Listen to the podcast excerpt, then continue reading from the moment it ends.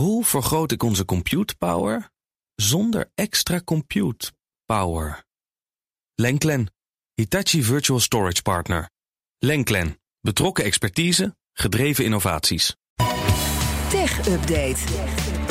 Kees Dorrestein, goedemorgen. Goedemorgen. De Cybersecurity Raad vindt het niet kunnen dat justitie bedrijven niet laat weten wanneer ze zijn gehackt. Ja, dat zegt eh, de krant in onze, of dat zegt de raad in onze zusterkrant eh, FD. Ja. Justitie geeft volgens hen geen belangrijke informatie door over veiligheidslekken en cyberaanvallen, omdat het niet mag van de wet. Of hoe zeg je dat altijd zo mooi, Bas?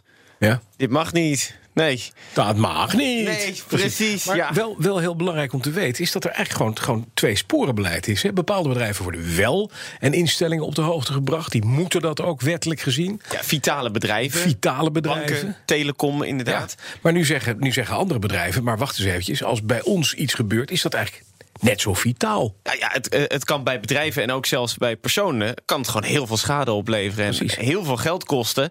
Eh, en eh, kijk, dan, dan zit er dus eigenlijk zo'n probleem in...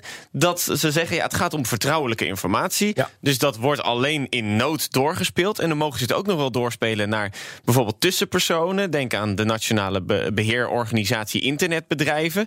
Bijvoorbeeld browserbedrijven, dat soort dingen. En die zouden het dan weer als doorgeefluik kunnen dienen... maar daar wordt het eigenlijk nooit naartoe doorgespeeld naar zo'n Ja, dan tussenorganisatie. kunnen die het ook niet aan hun klanten geven. Nee, precies. Dus horen bedrijven het niet. Nou, co-voorzitter van de Security Raad Hans de Jong, ook topman bij Philips, die zegt het toch wel treffend in de krant. Eh, hij zegt: Het is eigenlijk alsof iemand zijn voordeurslot kapot is. Iedereen kan zomaar in je huis. Maar dat mag niet gedeeld worden in de buurtwacht-app. Want dat is vertrouwelijke informatie van de eigenaar van de voordeur. Ja. ja dat is het Dat natuurlijk. is het wel. Waarbij de, de, de, inbrekers niet kijken naar de eh, app van de buurtwacht. Nee, Nee, helaas. exact. En nu zegt de Raad, ja, pas alsjeblieft die wet aan, het liefst met een spoedprocedure. Eh, want Nederlandse bedrijven worden straks gewoon eh, doelwit van internationale hackers... als zij weten van, oh ja, je kan overal in en de informatie wordt toch niet gedeeld. Niet gedeeld, ja, een beetje dom. De dienst uitvoering onderwijs, DUO, hè, dat is de club die ook eh, het geld geeft aan studenten, heeft te maken met een datalek en dat lek is een beetje knullig. Ja, je denkt bij dataleks eh, eh, lekker altijd eh, van... ja, zal het een hacker zijn of zit het ergens in je computersysteem? Ja, het is eigenlijk in, in het geval van Duo nog veel simpeler. Eh, wat hebben zij gedaan? Eh, ze hebben de gegevens van mogelijk 1700 mensen gelekt... door ze per ongeluk eh, te printen in het adresvenster van de brieven die ze verstuurd hebben. Dus in het opmaaksysteem van de brieven hebben ze eh, het eh, BSN-nummer per ongeluk gewoon bij alle adresinformatie geplakt. Ja, en dan heb je in één keer wel heel veel informatie van mensen. En dat Ja. stuur je gewoon op. Dat kan iedereen lezen. Eh, de duo heeft nu de klanten op de hoogte gesteld, excuses gemaakt, meldt trouw. En het is gemeld aan de autoriteit persoonsgegevens. Maar dit is gewoon een printfoutje. Dit is gewoon ja, een opmaakfout eigenlijk. Hè? Ja. Een opmaakfout. En, en ze zeggen, we gaan eh, nu proberen die BSN-nummers helemaal uit die brieven... het ging om jaaropgaves, Mhm. helemaal eruit te halen. Want dan kan het er sowieso niet per ongeluk bij geprint eh, worden.